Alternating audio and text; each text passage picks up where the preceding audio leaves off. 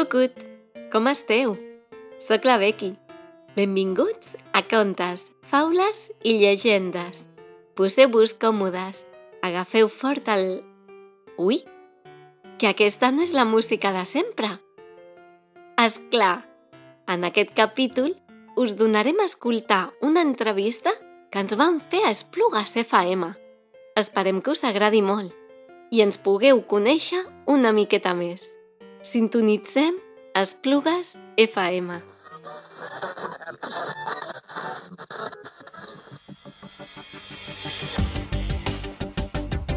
Les entrevistes d'Esplugues FM. Avui, al nostre espai d'entrevistes, us porteu una entrevista molt especial, molt diferent de les que hem fet fins ara. Parlarem de projecte educacional i parlarem de com expliquem els contes als nostres petits i petites, sigueu pares, mares, les àvies, les tietes... Tots expliquem a casa, d'alguna manera o altra, un conte infantil. I sabem que a l'època que estem ara, doncs estan evolucionant el cont els contes, s'estan fent contes en els que s'incorporen, diguem-ne, noves matèries. Mm, Podem dir que no estaven contemplades fins ara? Sí, sí que estaven contemplades, però ara ho estem fent amb una altra mirada. I avui parlarem d'aquest projecte educacional amb la Becky i amb l'Àlvaro. Hola, bon dia a tots dos. Hola, bon dia. Hola. Expliqueu-me una mica com comença a, aquest projecte vostre d'explicar contes. Doncs jo des de que em vaig quedar embarassada, doncs que volia fer alguna cosa en família i no sabia ben bé no, com, però em sorgien cançons, em sorgien coses que tenia ganes de fer. I, bueno, parlant amb el meu marit, doncs deia, mira, anem a provar això, anem a provar l'altre, i tot requeria de molt de temps, eh, ja hi havia coses fetes, fins que vam trobar un format de contes que podia ser nostre, eh, podia ser la nostra petjada, no? com per dir-ho d'alguna manera, i que podíem fer tots plegats.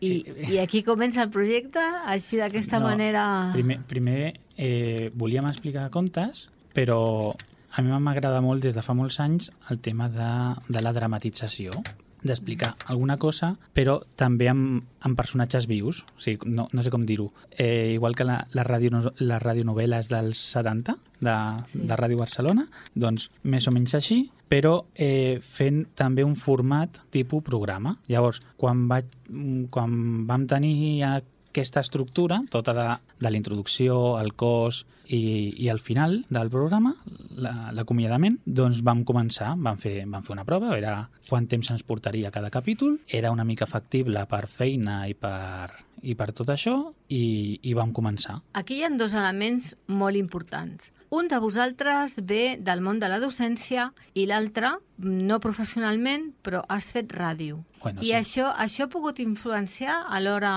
d'aquest projecte que teniu?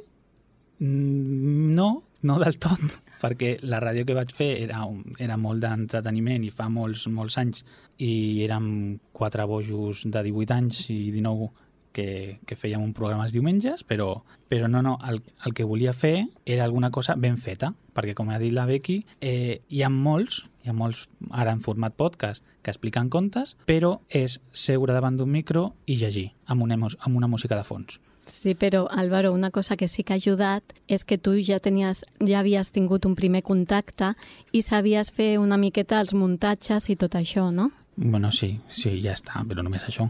I només això és molt important. És modest. Ell sempre, eh, una persona molt modesta, fa les seves aportacions, però amb la seva modèstia.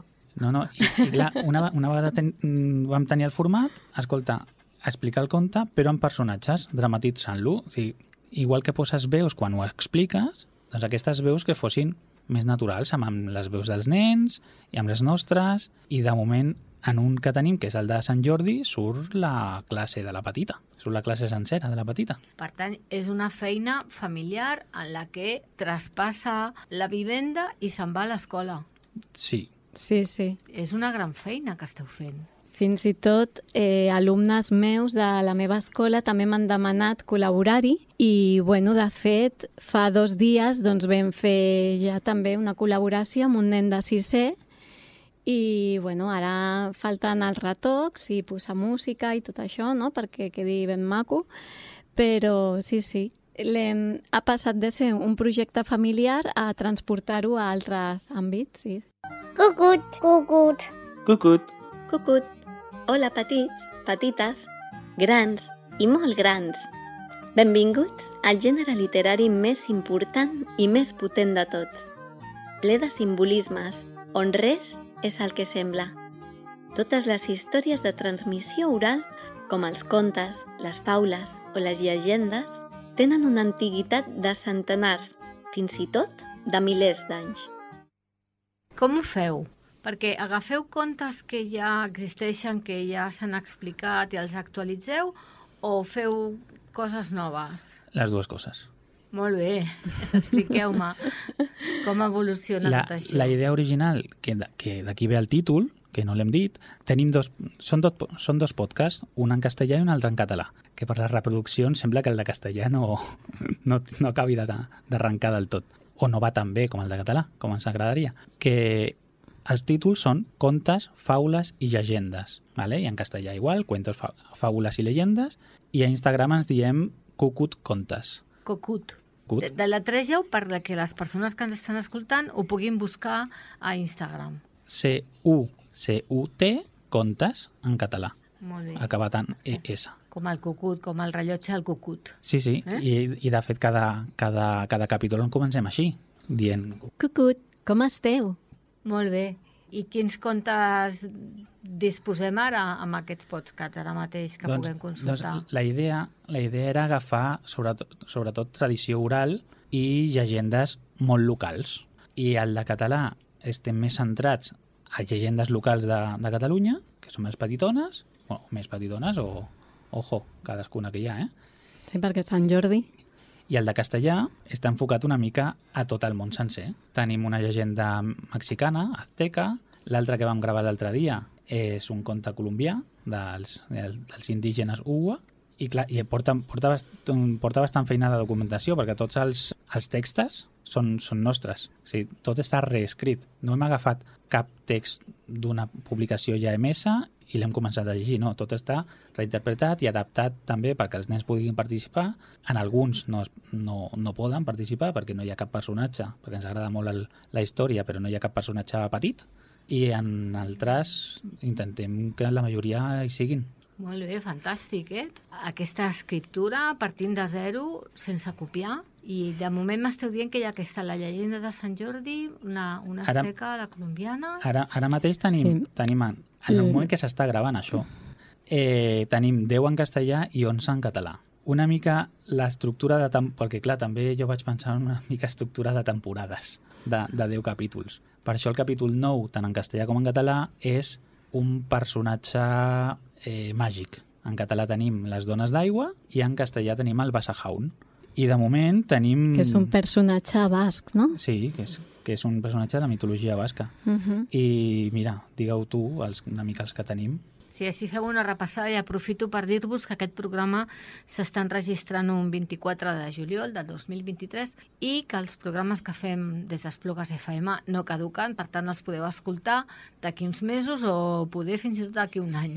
I us convidem, doncs, això, que entreu a, a, a escoltar i entreu a aquest Instagram del Cucut Contes i allà trobareu els enllaços per, per escoltar-los. Vinga, Becky, explica'ns. Doncs aquesta primera temporada vam començar amb les set cabretes, després que és un, a més a més dels més escoltats, després amb el gegant de Sau, eh, la Guilla i el Gripau, també tenim la rateta que escombrava l'escaleta, no li vam posar la rateta presumida, sinó que és la rateta que escombrava l'escaleta, ja vam fer un canvi, no? un petit canvi. La cigala i la formiga, Després vam fer al desembre un especial de Nadal, trobem el tió, la gallina dels ous d'or, la serp de la cabellera i l'especial, que és el que estava explicant l'Àlvaro abans, que són els número 9, tant de castellà com de català, doncs en aquest que és de català va ser el bosc i les dones d'aigua. Amb tot el simbolisme que comporta el bosc i tot el simbolisme que comporten les dones d'aigua, tant en la nostra cultura com en, en els del voltant. I amb tot això, doncs, que va començar com un projecte familiar, que el reescrivíem nosaltres, no?, i fèiem tota aquesta feina, doncs el nostre fill, clar, de veure'ns tot aquest projecte tan xulo, es posava i em deia, doncs mira, mama, vaig escriure un conte i agafava una plana d'una llibreta i es posava a escriure doncs, un conte inventat de tota una plana d'una llibreta, fins que tenia potser cinc o sis i un dia ens va dir, mama, papa, podríem publicar un meu? I clar, doncs ens ho vam plantejar i vam dir, ostres, doncs no ens ho havíem plantejat això. Quina edat té ara el vostre fill? Aquí si ho diu ell mateix. Vols dir-ho? El tenim aquí, no sé si voldrà... Quants anys tens? Set. Ara tens set, i això quan fa que ho vas escriure? Fa molt de temps o, o com, com va això? Quants anys tenies? Sis anys, poder? Sí. Es- Sis anys. Explica'm, què t'agrada escriure a tu, a, dels contes? No t'agrada inventar-te el que, el que et ve... Digue-ho. Inventar-me. I tot això ho tens tu al cap i t'agrada després escriure-ho? A vegades per casa se'n va a buscar la llibreta i comença a escriure un. Sí. I aleshores el número 10 és el llop encantat, que és un que va escriure doncs, el nostre fill i bueno, després el vam readaptar per posar-li algun guió perquè ho poguessin fer ells, no? Perquè ja que era un conte seu que l'havia escrit ell, doncs vam afegir-li algunes cosetes perquè ells hi poguessin participar. I després tenim la, el número 11, que és la llegenda de Sant Jordi. I aquí va acabar la temporada de contes, faules i llegendes. Perquè la volíem fer de 10, però clar, és que ja arribava l'abril i s'havia de fer. S'havia de fer. Podíeu fer un decàleg i, i heu superat. S'havia de fer. Di- Diguéssim que és, el, és com un tràiler de la segona. I en la llegenda de Sant Jordi també hi ha unes veus noves que participen, que són tota la classe de la, de la petita. Oi que surt? Tota la teva classe? A la petita li agrada participar en els contes que preparen els pares? Costa, costa bastant, eh? Costa bastant? Però, però és molt Li fa vergonya. Digues qui va sortir. Digues qui va sortir, No carinyo. vol, no vol. No passa res perquè són, són molt petits.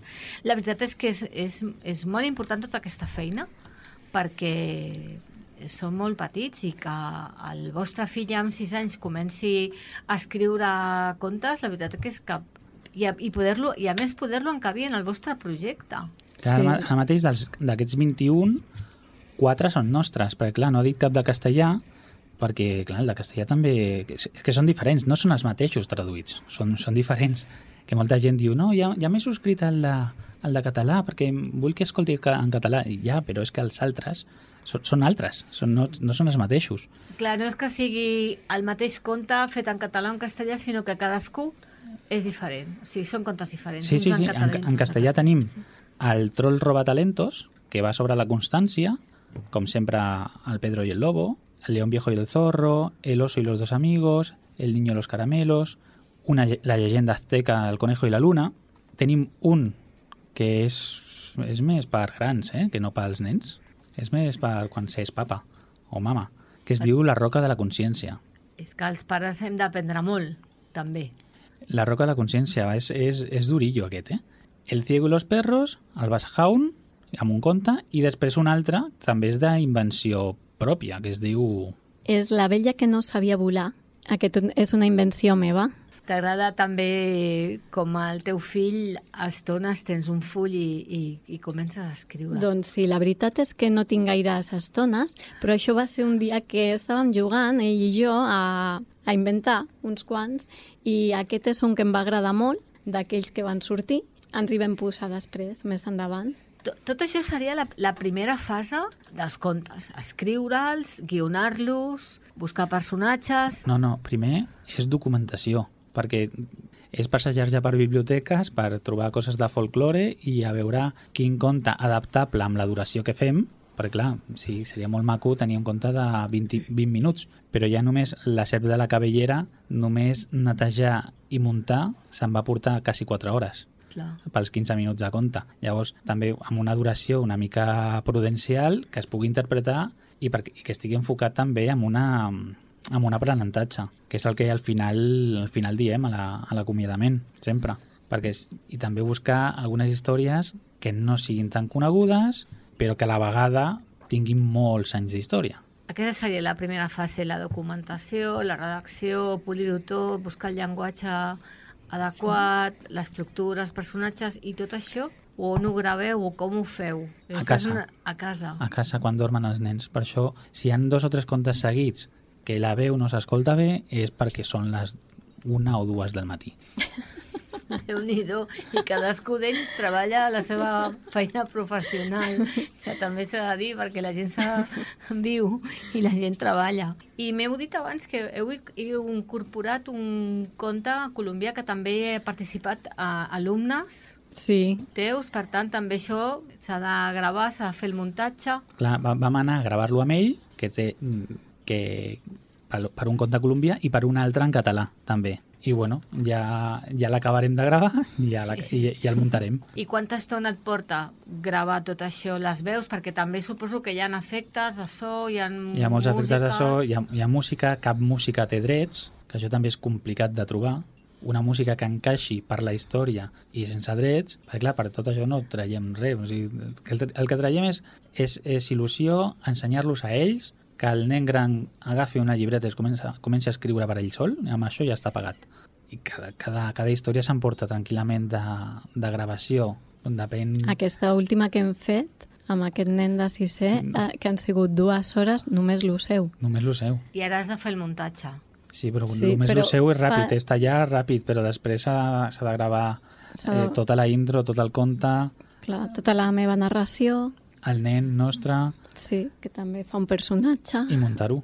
No és lent perquè la gent diu aquests videopodcasts que estan, que estan molt de moda, que és algú s'ha assegut i parlar una hora, això amb tots els respectes no té edició, quasi, no ho té, no ho té perquè, perquè aquest, el que fem per 10 minuts l'estona que, que em passo editant és bastant, bastant llarga. Perquè aclarim, estem parlant d'àudios, no estem parlant de vídeos, eh? Que Encara no. Estem parlant tota l'estona d'aquest projecte, però cal, val a dir que és un projecte d'àudio per escoltar contes, eh? No, Sí, està a totes les plataformes d'àudio, està Spotify, Apple Podcast, Google Podcast, iVoox... no, no estem parlant de que els hi posem amb un, amb un nen una tablet perquè vegi un, un vídeo, que aquest seria un altre tema. I això és Sí. una altra part del projecte.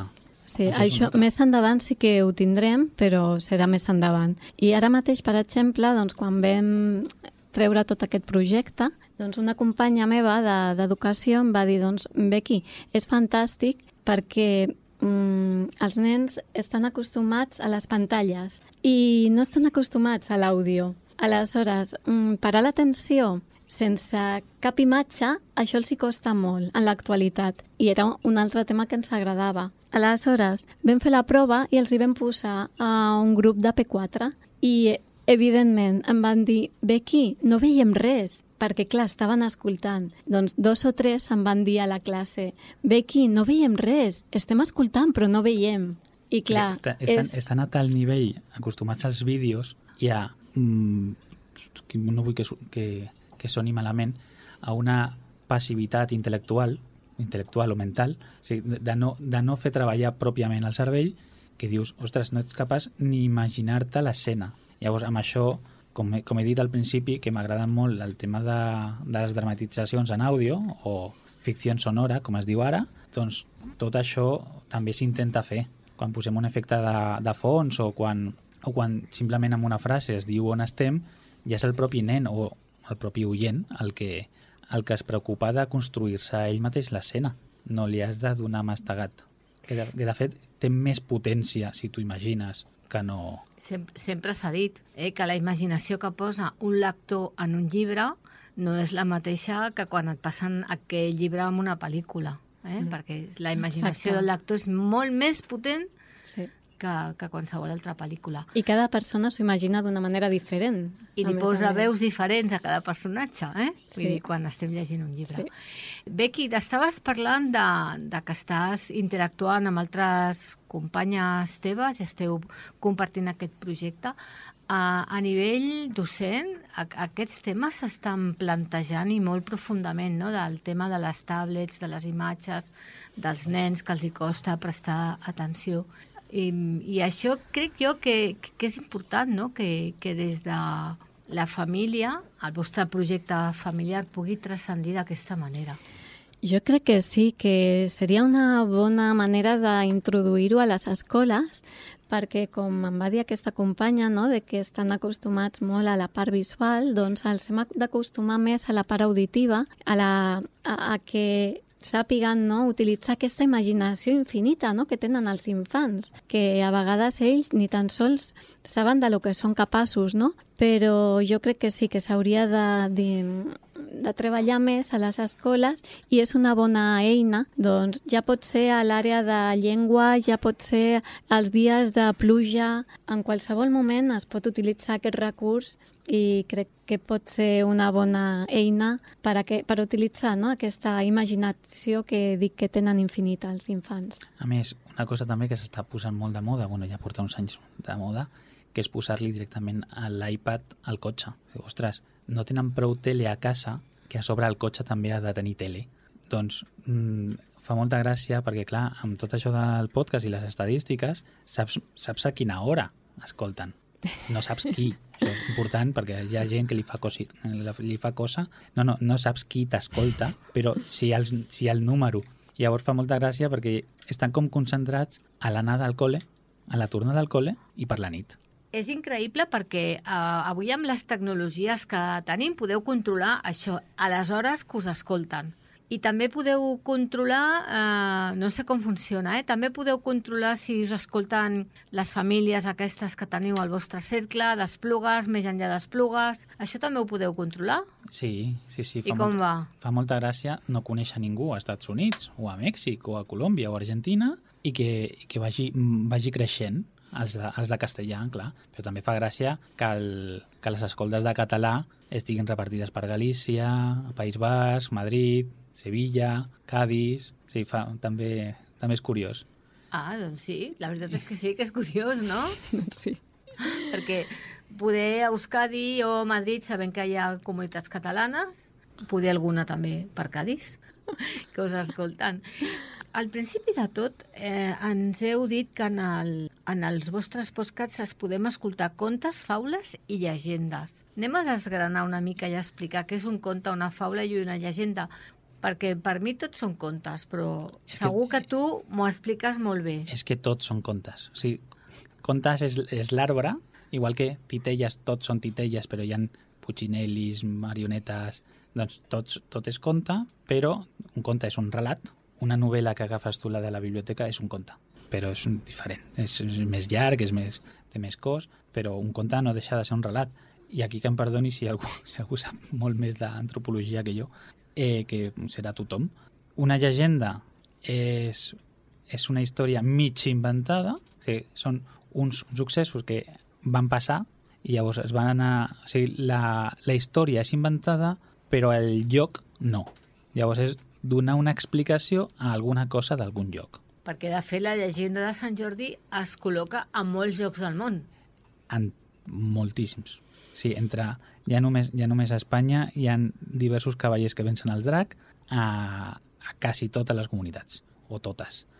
I a Europa i per, també... per no parlar, per no parlar de, de Regne Unit, que és el seu patró, que és, Sant George és el- seu patró, i, i, i, la, i la resta del món se- semblants, però si li, si li dona una explicació. I una faula és un, un conte breu que té una finalitat més educativa, més directa. Per això eh, es relata amb, amb, amb personatges que són que normalment són animals, per, per no vull dir estereotipar, però perquè sigui més, molt més comprensible la, la, pers la personalitat d'un d'una guineu o d'un lleó o d'una formiga o, o d'un conill. És més comprensible, és molt més ràpid d'entendre amb un conte de tres paràgrafs. Clar. I, I després hi ha contes que tenim com a contes que poden ser mig llegendes, que ho tenim com a que algú s'ho ha inventat, però, mm, però pengen, pengen d'una història, poden penjar d'una història real. Per exemple, el flautista de Melin ho van recollir els Grimm al 1816, més o menys, però parla d'uns successos de mitjans del segle XIII. I aquests suc- successos és que al segle XIII hi havia moltes rates que propagaven enfermetats. I també donava la casualitat que aquesta zona d'Europa s'estava expandint cap a l'est, cap a l'actual Croàcia i Romania, i resulta que els reclutadors, que reclutaven gent jove, perquè clar, no, no arribaven a destí en qüestió d'un mes, reclutaven gent jove i el, el, aquest reclutador venia a cavall amb robes una mica llampants i tocant un xiulet. Clar, dius, ostres, un xiulet, una flauta, tocava una música que s'emportava i deixava hipnotitzats els nens. Per què? Perquè els germans Grimm doncs, penjaven d'una educació més, més religiosa i la idea de posar la música com a, com a dolenta doncs també estava, també estava. Llavors, aquest xiulet del reclutador es va anar transformant, transformant, fins que ho van consolidar eh, a, a aquests germans. Doncs gràcies per aquesta explicació. Però, però com aquest, la meitat de contes que coneixem venen de, de fa milers d'anys. O sigui, les faules, les faules d'Isop, que és la... que hi, ha, que hi ha moltíssimes, que coneixem, la, la cigala i la formiga, i tot això, que les coneixem com que és de, de sempre, però que potser li posem que té 100 o 200 anys, Isop era un grec de l'any 500 abans de Crist. O sigui, a lo tonto té 2.500 anys, la història. És curiós, eh? perquè estem explicant contes infantils que venen de lluny, que són molt antics i que poder no han evolucionat tant com nosaltres ens pensem, no? No, perquè el que expliquen són simbolismes i són conceptes. Això està molt ben resumit o sintetitzat al, al capítol 0 de, del podcast que es diu Cucut i allà explica i sintetitza el que, el que volem fer. Per tant, els contes, les faules i les llegendes també ens estarien interpretant eh, d'una manera entenedora pels més petits el que són els estereotips, per exemple? No, més, més que res, identificar situacions. Identificar situacions. O sigui, el, el llop de la caputxeta és un timador, sense gènere. És un timador, punt. Com, com el gat que, que tima a la rateta. Aquest També és és- un timador. Sí, sí, però la rateta s'explicava perquè les noies anessin en compte perquè hi ha, hi ha alguns que doncs, ho feien malament.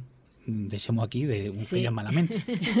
I, I llavors era un, era un tema de vigileu amb com us engatussen, engatussar ve de gat, eh, com us, us engatussen i vigileu amb qui us junteu. És un conte per escollir marit. Ja està. I que s'ha de vigilar Sí, sí. Eh? Que, a qui tries? Uh, abans, de, abans de parlar d'aquest, estava, abans estaves comentant algun altre conte. Per exemple, estaves parlant del, de la caputxeta, que, que, que el, el llop és, és un timador. Podíem trobar altres contes en el que ens adverteixen dels perills de... Tots. Tots. Tots, Tots. ens adverteixen? Tots, tots. El conte de, de, del llop vell i, i la guineu, mm, sí, el, la finalitat és no et refis d'algú sí, i si, sigues una mica llest i analitza la situació abans d'anar-hi a qualsevol lloc. I el que fa la guineu és veure que només hi ha petjades que van a la cova del, del lleó i que no hi ha cap petjada que torni. Llavors dius, d'aquí no surt ningú. Llavors és anticipar-se a tots. Cada, cada història té una... s'aprèn alguna cosa. Fer un conte d'entreteniment, com hi ha molts ara que s'editen, no, que, no, que no tenen cap missatge, jo, jo, jo no sé fer-ho. Jo no sé fer-ho. Evidentment que els contes i les faules tots tenen el seu missatge, perquè si no tindrien un altre nom, poder, no? Si en lloc de contes i faules... Sí, ara mateix mm, estem en una societat en la que tot això sembla que està canviant, no? El que passa és que no ens podem oblidar doncs, d'aquests eh, d'aquestes experiències no? que hem de ser conscients que la canalla doncs, no, no, no ha estat exposada encara i tant de bo no ho estigui mai, no? però han d'estar preparats per si en algun moment ho, ho necessiten saber. Aleshores, doncs, bueno, hi ha contes i contes, no? Eh, S'ha de vigilar amb els estereotips, això sí que és veritat, però sí que també hem d'ajudar aquesta, aquests infants a que puguin tenir alguna mena d'experiència, per petita que sigui, encara que sigui amb aquests contes, no? Perquè en un moment donat es veuran sols i han de saber com actuar. Una, una pregunta que us voldria fer. Quins personatges heu fet vosaltres en aquests contes i faules que prepareu? Digue'm, has fet algun personatge? Sí. De què? De què has fet? De pastor mentider, de la cabreta gran, de un llop, I te'n recordes alguna cosa que deia el llop, per exemple? Què deia? al llop? Hem de salvar-lo. Ah, molt bé. Ah, Quan van a salvar el llop encantat. I algun... La cabreta, el llop... I tu? Has fet alguna veu d'algun personatge? La cabreta petita. La cabreta petita. I què li passava a la cabreta petita? Que se m'acaba el rellotge. El... Per què tenia por? No, perquè pensava que era el jo. Clar, perquè venia el llop i s'amagava perquè no se la mengés. A veure, ensenya'ns la puteta. Ara sí és la mama. El llop ens ha enganyat. Jo m'he amagat al rellotge. S'ha menjat els meus germans. Rateta, rateta, tu que ets tan boniqueta, que et voldries casar amb mi? Rateta, rateta, tu que ets tan boniqueta, que et voldries casar amb mi? Quac, quac, quac, quac, quac, quac, quac. Tati, on estan els gronxadors? Allà. Els gronxadors estan allà. Per aquell camí. És el nostre tio! Tio, vindràs amb nosaltres a casa. El Pare Noel m'ha saludat. Adéu, Pare Noel. Han recordat de nosaltres, Pare Noel. Papa, vull bufar tan fort com tu. Hem de seguir les pistes per veure. Sento una olor fastigosa. Oh, no puede ser. Se me ha quedado la mano atrapada en el bote de caramelos. Estoy comiendo poco de hierba fresca. Si quieres puedo compartirla contigo. ¿Crees que podría ser la cueva del Basajaun? Sí, vamos a entrar. ¡Vamos, Irache! Me ha mordido una serpiente por el camino. ¡Ayúdame! Suposo que quan estan a casa la fluidesa de parlar i d'interpretar eh? és totalment diferent. Surt- Ara estan aquí... Surt millor, sí, I, a- sí. I a la rateta fas d'Anna, que? Quin- I a quin, a quin conte més sortiu? Al del Basajaun. Què és això? Explica'm-ho, què és el Basajaun. Qui és el Basajaun? El que té el cabell molt llarg. Molt bé.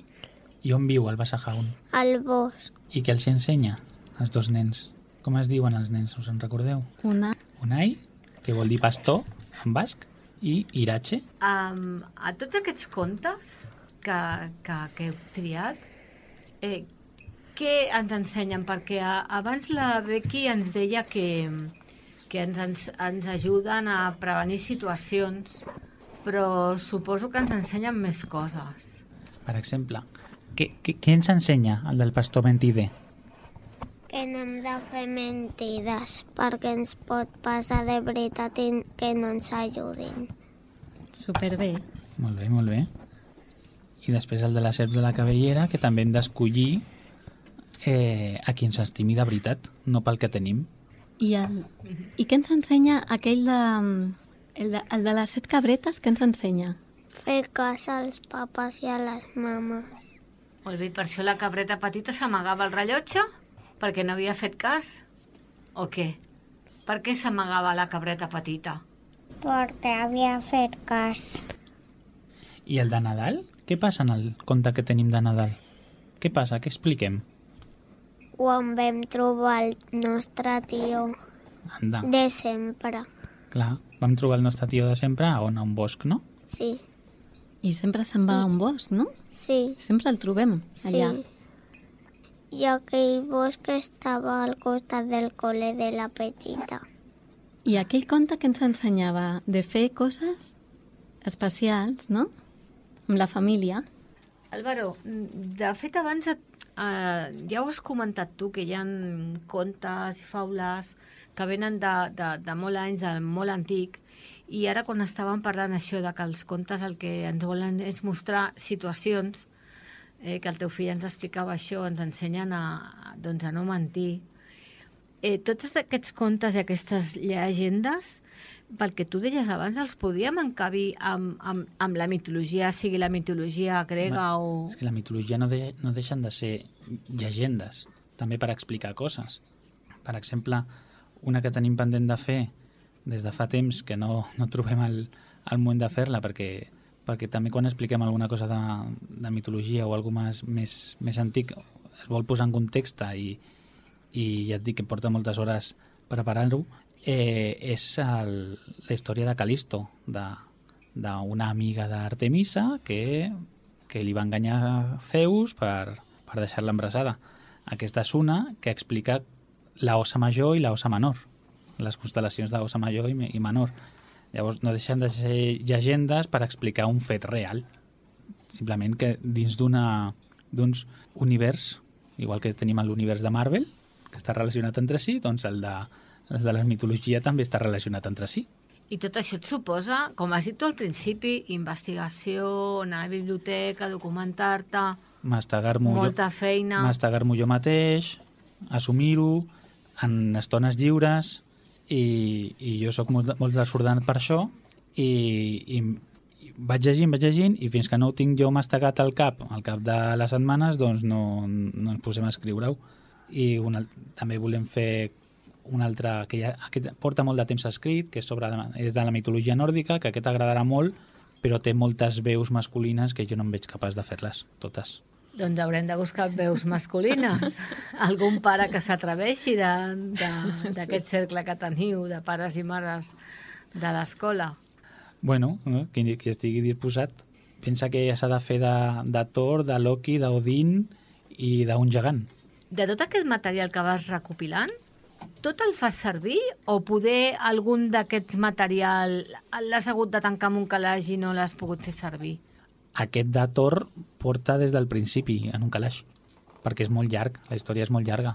Anem a parlar del que esteu ara preparant, enregistrant, què esteu fent? Doncs mira, propers, eh, tenim dos mig gravats, que ja hem dit, amb, amb l'alumne aquest de, de la Becky. Que sí, un... hi ha dos que ja estan mig-mig, només falta la narració i una altra veu. I, i l'altre, bueno, dos, serien dos, un en català i un en castellà, i l'altre que, que portarà molta feina perquè és molt llarg, però bueno, ja, ja es farà. I que un és la llegenda colombiana aquesta, que es diu El pájaro carpintero, i en català La princesa de la mel. I també tenim tres sobre mitologia que, que també estan escrits i pendents de, pendents de gravar. Sí, en aquesta segona temporada mirarem de què surtin perquè tenim moltes ganes i se'ns van quedar a la cua, però en aquesta segona temporada sí que els, els farem sentir. També hi haurà alguns dels típics, com la caputxeta, també estarà, i el gat amb botes, per aquests tinc una versió al cap, òbviament respect, respectant el màxim possible l'original, però igual que vam fer amb, amb la llegenda de Sant Jordi, que es nota que és original nostre, perquè és, la llegenda de Sant Jordi va quedar molt, molt xula. I, i bueno, també és veure com es fa. Potser, jo afegiria que potser hi ha gent que en la societat aquesta actual que estem, doncs hi ha contes que sorprenen, no? Perquè són perquè són de, antics, no? de fa molts anys. Però és curiós que jo vaig fer Bueno, vaig preguntar a tots els infants no, quins contes, que em diguessin tres contes que els hi agradaven més i la caputxeta vermella, per exemple, va ser una, un dels que més va sortir. Però a, a, agrada més realment perquè, perquè ells hi agraden o, o simplement perquè és el que és el conte més explicat i el que té tothom més a, a la memòria? Clar, això, clar, això ja no ho sé, Ja. però que... Tu preguntes, digue'm un conte infantil, la caputxeta vermella, és el primer que et ve al cap, o els tres porquets. Bueno, per exemple, en, en, en català, eh, aquest últim mes està molt amunt el de la, el bosc i dones d'aigua, i no és cap conte. És una explicació de tot el simbolisme del bosc i què són les dones d'aigua. I no és cap conte, i està molt amunt en les, en les escoltes perquè està, està ben fet, està ben explicat i serveix per aprendre moltes coses. No és que sigui res comú, sinó que simplement és, és com si fos una classe. Perquè, perquè en aquest de les dones d'aigua i el bosc només parla ella, només parla la Becky. No, Ja, no hi ha sí. personatges. És una narradora que ho explica. Sí, ja està. Projectes de futur, de nous contes que tinguis en ment, que estiguis investigant, eh, tancat a la biblioteca, perquè estic segura que tens una pila de, de llibres per anar recercant noves històries, noves Sí. faules. En tenim uns quants Doncs a casa. m'agradaria fer trossets del Quijote, també, eh? Ah, sí? Sí, m'agradaria fer... Però és, però Dels és, seus viatges? però és complicat. És complicat perquè és, és llarg i si ho fem m'agradaria que fos en castellà de llavors i això és, ja és més complicat encara. I, i bueno, el flautista els, els tres grossos que són el flautista de Melín eh, tres, bueno, tres, quatre grossos, porquets, la caputxeta i el gat amb botes, els volem fer d'una manera més, més original. I com que no és una cosa de vinga, anem a seure, com que no és una feina, no és anem a seure i a veure què surt, no és. Quan et surt, ha de coincidir que et surti, que estiguis amb l'ordinador i que tinguis ganes d'escriure. Perquè a vegades vaig conduint i em surt, però després se m'oblida, el qual. Això li sol passar a la gent creativa que té una idea conduint o, o vés a saber com i després ja no, si no la escriu al moment se'ls ha oblidat. Llegendes locals de Catalunya, per exemple, els DIPs de Prat Dip, també estaria bé fer alguna de Esplugues. També, mira, la, la llegenda de Picalqués que tenim aquí a Esplugues. Doncs mira, ja la investigarem i la fem. Molt Sí. bé, perfecte. Estaria molt bé, eh, fer aquesta? Quedar-nos a casa amb les nostres llegendes. Doncs sí. Sí, clar, perquè és que són, són locals. La, la de la Serp de la Cabellera és una mica de, entre el Montseny i per allà, per aquella zona. Però fer una de casa, doncs estaria sí, molt bé, fer una eh? d'Esplugues també estaria bé. Perquè estem parlant de, de totes aquestes llegendes, però quan estàvem parlant dels contes tradicionals, això té drets d'autor? Tu pots fer la versió que vulguis? Sí, tot el que és de domini públic tu pots fer la versió que vulguis. Jo desconec absolutament. Sé que a la ràdio tenim que pagar drets d'autor per, pel tema de les cançons que, que, que matem. Sé que, sé que és un tema que s'encarrega l'Avens Centre Cultural perquè nosaltres som una secció de l'Avens, però més enllà mm, desconec com funciona el tema dels drets d'autors. Dius que si és públic no hi ha cap problema. No, no, no, tu la pots alterar el que vulguis. No és de ningú, bueno, és de tots directament. I n'hi ha, hi ha contes actuals, que estan molt de moda actuals, per ensenyar als nens que hi ha un d'un peix que és el príncipe feliç. És que és aquest conte. I no sé si van passar els anys eh, corresponents, però és, és que és aquest conte, és aquesta història, és la mateixa. Uh, Becky, Álvaro, m'agradaria molt tornar a repetir on podem trobar aquests contes, aquestes faules i llegendes que són de la vostra creació i de la vostra producció. Ens ho tornes a repetir? M'has dit que era Cucut Contes?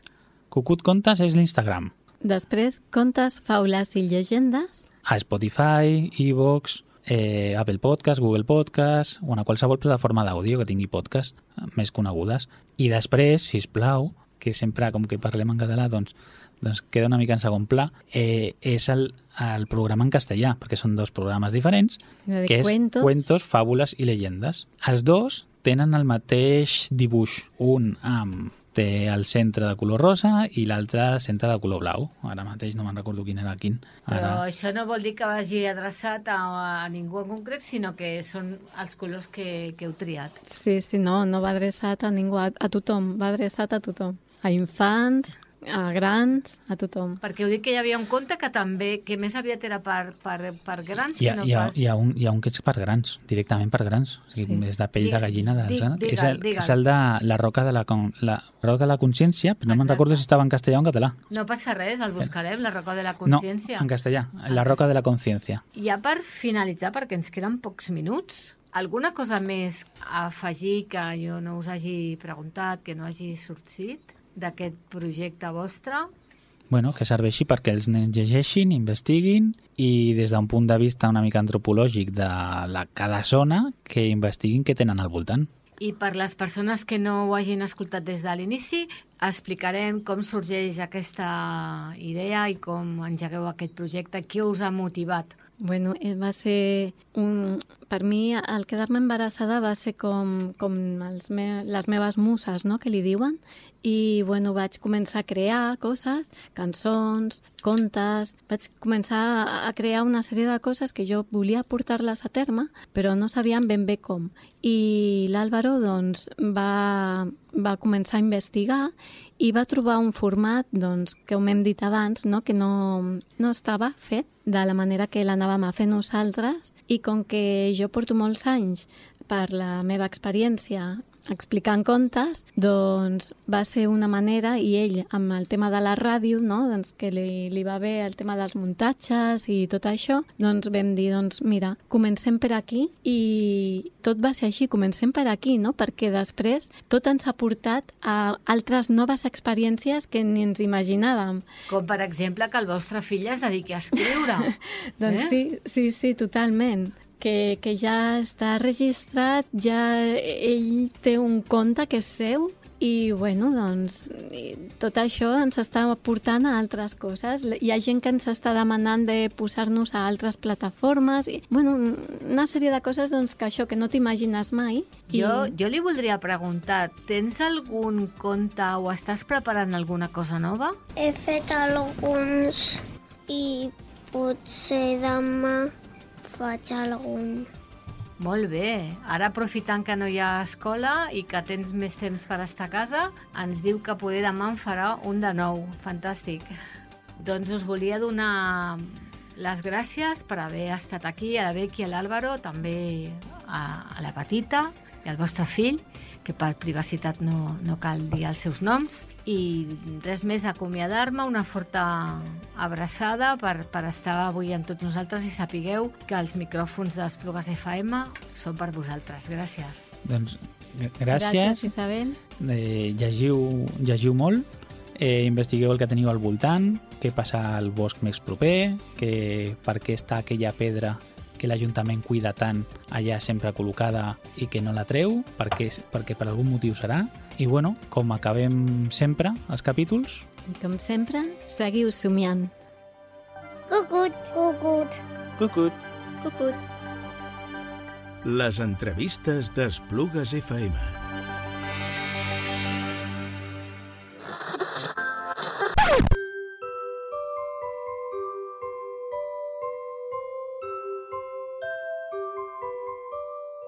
En aquesta entrevista hem après que estem molt agraïts a la Isabel per haver-nos-la fet i, com heu sentit, aquí és on ens van demanar la llegenda del cavaller Picalqués, els gegants d'Esplugues. En recordeu-vos de seguir també el nostre podcast en castellà. Allà teniu contes diferents, que segur que us agradaran. Ens trobem en un altre conte i, com sempre, seguiu somiant.